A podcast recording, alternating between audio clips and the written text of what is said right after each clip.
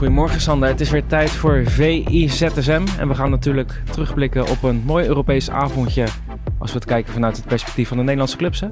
Ja, goedemorgen. Ja, zeker. Ja, dat uh, kun je wel stellen. Het was ook wel even nodig hè, na, na Ajax natuurlijk. Hè, die uh, nou, toch wel uh, ja, pijnlijk, nou, ja, niet pijnlijk, maar in ieder geval op een pijnlijke wijze dat ze verloren van, van Liverpool. Nou, dan is het wel prettig dat in ieder geval die punten nog door Feyenoord en, en AZ worden gepakt. En ja, zeker Feyenoord was echt een bizarre wedstrijd, denk ik. Uh, ik denk niet dat uh, iemand had verwacht dat het 6-0 zou worden. Misschien wel een zegen voor Feyenoord, maar 6-0 was toch wel... Uh, ja, dat had niemand kunnen voorspellen. Maar ja, alles vloog erin, leek het wel. Ja, wat voor een Feyenoord heb jij gezien gisteravond? Nou, en toch wel een flitsend Feyenoord. Of het ook plezier uitstraalde. Hè? Het zag er allemaal heel erg goed uit. Voetballend was het gewoon prima. Ja, dat dan iedere bal erin vliegt maakt al niet zo heel veel uit. Ik denk dat ze ook zonder dat wel hadden gewonnen. Maar het, ja, het straalde wel wat uit. Ook een beetje een antwoord op die wedstrijd van een week eerder tegen Lazio. Waarbij het in de eerste helft toch wel uh, flink misging.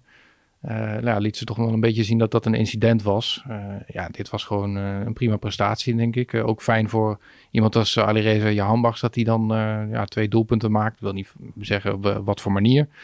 Volgens mij bij die 1-0 zat die, eh, zat die keeper helemaal mis. En uh, bij de tweede goal van, van Jan Bas uh, werd die verrichting veranderd. Bijna nog een derde gemaakt trouwens. Ja, ook nog. Ja, ja. Dus nou, dat is voor hem gewoon prettig. Hij heeft natuurlijk concurrentie gekregen van uh, Dilrosun. Ja, die staat nu iets meer in, het, in het centrum. Wallenmark heb je daar ook nog volgens mij ja. op, de, op de rechterkant. Nou, dat is voor hem gewoon prettig dat hij in de basis staat. En, en, zich ook weer eens een keer laat zien. Hè? Want zijn eerste seizoen was natuurlijk niet echt ja, heel erg overtuigend. Maar ja, we hebben hier in Nederland gezien bij AZ, NEC, dat hij gewoon heel goed kan voetballen. En voor hem te hopen dat hij dat uh, ook wat vaker kan laten zien uh, dit seizoen. Het was ook een veelgevraagde uh, vraag aan Arne Slot gisteravond. Wat was de mooiste goal van Feyenoord? Poeh, ja, dat is wel een goeie. Uh, Idrisi leek de mooiste te zijn, hè, maar die werd natuurlijk nog een beetje verrichting veranderd dat hij precies in de hoek viel. Uh, ja, moeilijk te zeggen eigenlijk. Uh, wat vind jij eigenlijk de mooiste? Ja, je hebt natuurlijk dan de goal van Danilo en de goal van Hansko, waarbij ja. Idrissi eigenlijk een hoofd, hoofdrol had hè, bij ja, beide goals. 3-0 was dan wel de mooiste. Ik moest dus even denk... terughalen nog van, ja, er zijn zoveel doelpunten. De 3 van Danilo. Ja, uh. ja, die was toch wel mooiste. Dat was ook de mooiste aanval. Dat vind ik altijd wel ja, lekker om te zien als ze gewoon ja, een beetje zo'n FIFA-goal, dat je paasjes, paasjes en dan op een gegeven moment gewoon afronden van dichtbij. En volgens mij die verdediging van Stoemkras, die wist niet waar ze moesten kijken die hadden ook zoiets bij die 3-0 van, oh, wordt het zo'n avond. Dat, ja. dat zag je wel uh, gebeuren. Ja, die tweede helft wordt dan alleen maar tegenhouden. En dat Feyenoord dan nog, uh, nog een paar keer scoort, is alleen maar pijnlijker voor die ploeg. De kopgoal van uh, Santiago Jiménez vond volgens mij Pierre van Hooydonk de mooiste goal van de avond. Ja. Analist van ESPN. Die was erg onder de indruk van de manier waarop hij die bal binnenkopte. Nou, was ook wel knap. Ja, ja. Jiménez laat tot nu toe ook wel zien dat hij veelzijdig is. Dat hij kan koppen, dat hij snelheid heeft, dat hij goed kan afronden kan een penalty maken. Er was natuurlijk ook nog wat om te doen. Ja. Uh, maar ja, tot nu toe best wel, best wel veelbelovend. Uh, Danilo natuurlijk nog steeds wel de eerste spits, denk ik, van Feyenoord. Doet ook gewoon goede dingen. En nu krijgen we de discussie natuurlijk. Ja, ja, dat was natuurlijk vorig seizoen met, uh, met Dessers Lins. Eerst was gewoon Lins was de eerste spits en Dessers die, die valt iedere keer in. Maar ja, Dessers begon ook iedere keer weer te scoren. Toen werd het toch wel interessant van wie gaat dan ja, die echt die eerste spits worden. Uiteindelijk werd het toch Dessers. Ja, ik moet bij Feyenoord nog maar zien hoor, wie, het, wie het wordt. Jiménez maakt toch ook wel een goede kans. Maar je gaat Danilo er ook niet uithalen nu, denk ik. Die doet het prima. Ja, waarom zou je dan uh, heel vaak gaan wisselen? Nou, misschien in die Europese wedstrijd dat je Jiménez dan wat vaker de kans kan geven. Dat is wel prettig dat je zoveel wedstrijden achter elkaar hebt. Maar ja, tot nu toe uh, luxe voor, voor slot. Ja, durf jij een uitspraak te doen wie de favoriet is komende zondag in de topper tussen PSV en Feyenoord? Oeh, ja, die, die vind ik wel moeilijk. Ik denk toch PSV, ook omdat die geen Europese wedstrijd hebben gehad en thuis spelen. Dan, ja, het is natuurlijk een moeilijke fase PSV, maar dan zie ik PSV toch wel als favoriet. Ondanks dat Feyenoord uh, met deze 6-0 overwinning toch een nou, vertrouwensboost heeft gekregen. Ja, misschien. nou ja, ze gaan niet met een slecht gevoel naar, uh, naar Eindhoven toe. Zeker niet. Dus het is wel echt aan elkaar gewaagd. Maar ja, PSV, ja, ik, ik zou niet zeggen dat ze moeten winnen thuis. Maar ik vind ze wel uh, nou, de nipte favoriet dan. Hey, de andere Nederlandse club die uh, gisteravond in actie kwam was natuurlijk AZ. Ja. Tegen FC Vaduz. Als je de wedstrijd niet hebt gezien en je ziet de eindstand 4-1, denk je van, nou, makkelijk avondje voor AZ. Ja, maar dat was het niet. Was het niet, Nee, hè? nee, het ging toch wel vrij moeizaam. Uh, wat je ja, aan de ene kant niet verwacht, aan de andere kant misschien ook weer wel. Hè, dat je, nou, je denkt van FC Vaduz spelen op het tweede niveau van Zwitserland. Hè. Best wel apart natuurlijk dat die uh, dan in de Conference League uh, spelen. Ja, heeft onze collega Geert-Jan Jacobs een mooi verhaal over gemaakt. Ja, prachtig, natuurlijk. Ja, ja, dat is toch, ja, dat zijn wel de leuke verhalen in het voetbal. Dat zo'n zo'n ploeg in Liechtenstein, uh, tweede niveau van Zwitserland. En ja, die spelen dan gewoon Europees tegen een ploeg als AZ. Nou, dat is voor, zo'n club is dat wel een grote tegenstander. Maar het ging heel moeizaam uh, bij AZ voordat ze er echt doorheen kwamen. Want uiteindelijk wordt het natuurlijk 4-1. Maar ja, daarvoor kon je ook wel afvragen van wat, wat, wat, gebeurt hier allemaal? Want AZ was echt niet op zijn sterkst. Nee. Terwijl, ja, die, die aanvallende statistieken tot nu toe van, van AZ zijn heel goed, hè? ook in de Eredivisie laten echt wel, uh, wel goede cijfers uh, zien. Maar ja, dan zie je toch dat tegen zo'n tegenstander, dan gebeurt er iets en dan gaat het toch op de een of andere manier moeizaam. Uh, dat is toch wel gek hoe dat dan gaat in zo'n wedstrijd. Ja, en bij ESPN waren ze ook niet echt over te spreken dat, ja, we zeiden al, hè, het is op dit moment de nummer 9 van de tweede divisie uit Zwitserland. Ja. clubje uit Liechtenstein. Die hebben natuurlijk geen eigen voetbalcompetitie. En dan de manier waarop de doelpunten gevierd werden bij AZ. Alsof de Champions League werd gewonnen. Nou ja, ja je kunt maar een ontlading hebben bij zo'n wedstrijd. ja, oké. misschien dat ze eh, toch ook heel blij waren dat ze die coëfficiëntenpunten binnenhalen. Dat dat, dat, dat dan in ieder geval nog ja, gelukt dat, is. Dat uh, mooie bruggetje natuurlijk. Want uh, ondanks ook Portugees succes hebben de schade een beetje weten te beperken. Enigszins, ja, ja. Benfica is natuurlijk wel echt uh, balen voor Nederland dat die, uh, ja, die zijn onverslaanbaar. Die, die, die, verliezen helemaal geen punten, ook in de, in de eigen competitie niet. Ik ben echt benieuwd uh, welke ploeg de, ja, Roger Smit kan stoppen. Want dat, dat lijkt tot nu toe echt alle kanten op te kunnen met Benfica. Gewoon knap gewonnen bij, bij Juventus. Dat is voor Nederland natuurlijk minder, maar wel knap. Top level, hè? Top level. Ja. key players, alles noem er maar bij. Technical reliable, alle bruggetjes van, uh, van Roger Smit komen voorbij natuurlijk. Um, zullen we gaan naar het meest gelezen op uh, eh, vi.nl? Ja, vertel. Dat is uh, ja, de afslachting van Lazio op bezoek bij FC Midtjylland. Ja, dat is toch ook wel bizar. Dat had je na vorige week ook niet gedacht toen Feyenoord de eerste helft had gespeeld. Natuurlijk tweede helft wel, nog wel wat teruggekomen. 4-3 had misschien ook nog gekund. Maar misschien liet Lazio de teugels ook wel een beetje vieren. Maar ja, wat er gisteren gebeurde, dat was echt... 5-1. Uh, ja, maar ook tegen, tegen Midtjylland is het trouwens. Hè? Zo moet je het uitspreken, heb ik uh, geleerd van een Deense... Hoe? Midtjylland. Midtjylland. Ja. Oké. Okay. Ja, dus Jeroen de Deense uitspraak... Uh, maar de NOS zegt Jeroen Goeten altijd Midtjylland. Ja, Midtjylland. Ja, maar kan ook. Midtjylland. Volgens mij is Midtjylland. Oké. Okay. Ja. Dat klinkt dus, als een ja, soort... gekke uitspraak, ja, maar okay. ja, het is volgens mij de nummer 8 of 9 van, van Denemarken. Het is, ja, in de eigen competitie doen ze het eigenlijk ook helemaal niet zo goed. Vorige week nog verloren van Sturm Graz. Ja, precies. Nou, ja, je ziet uh, Feyenoord gaat daar met 6-0 overheen. Dus dat is ook wel weer het gekke van voetbal. Hè. Je kan die wedstrijd ook niet even vergelijken. Misschien dat uh, Feyenoord thuis de relatie ook gewoon wint. Je weet het nooit.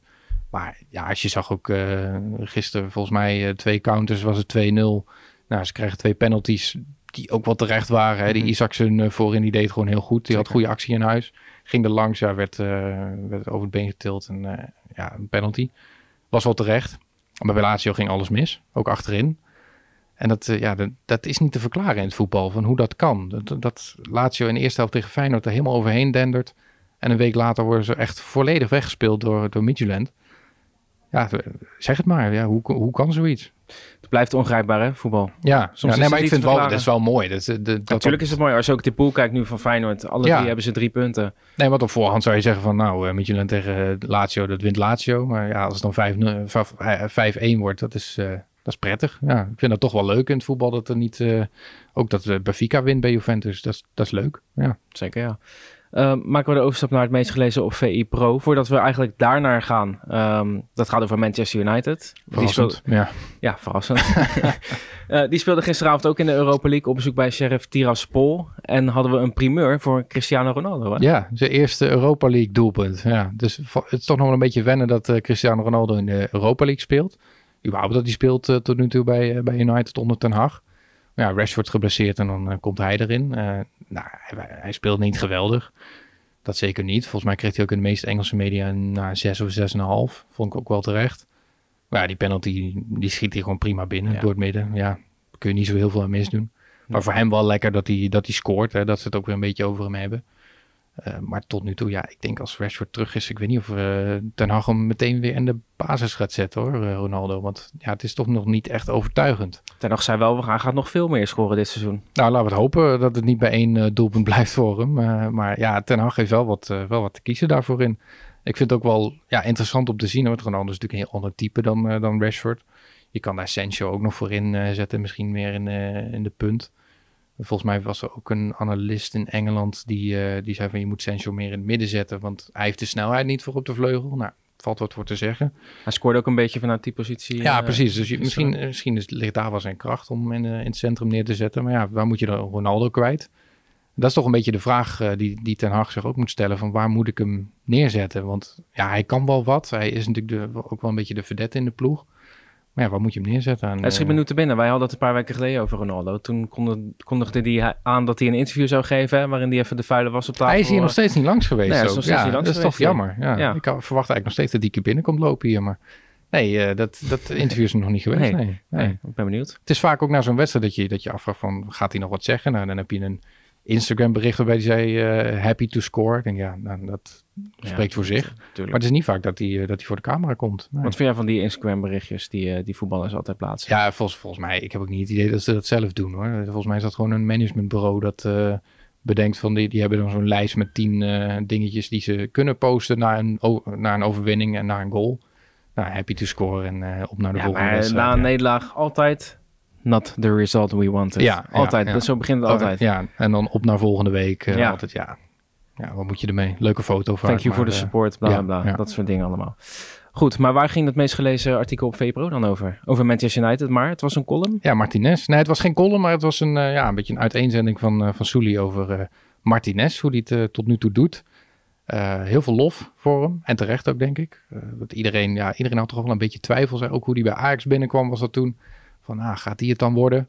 Nou, bij Ajax heeft hij natuurlijk uh, lang en breed bewezen. En bij United moest dat nog gebeuren. Het is dan toch altijd de stap van de eredivisie naar de Premier League. Ja, gaat hij dat dan, uh, ja, gaat hij dat dan goed doen? Ja, tot nu toe uitstekend. Hij uh, vormt een centrum met, met Varane. En daar, daar wordt niet aan getoond. Ik bedoel, iemand als Maguire, hij zit nog wel bij de WK-selectie nu.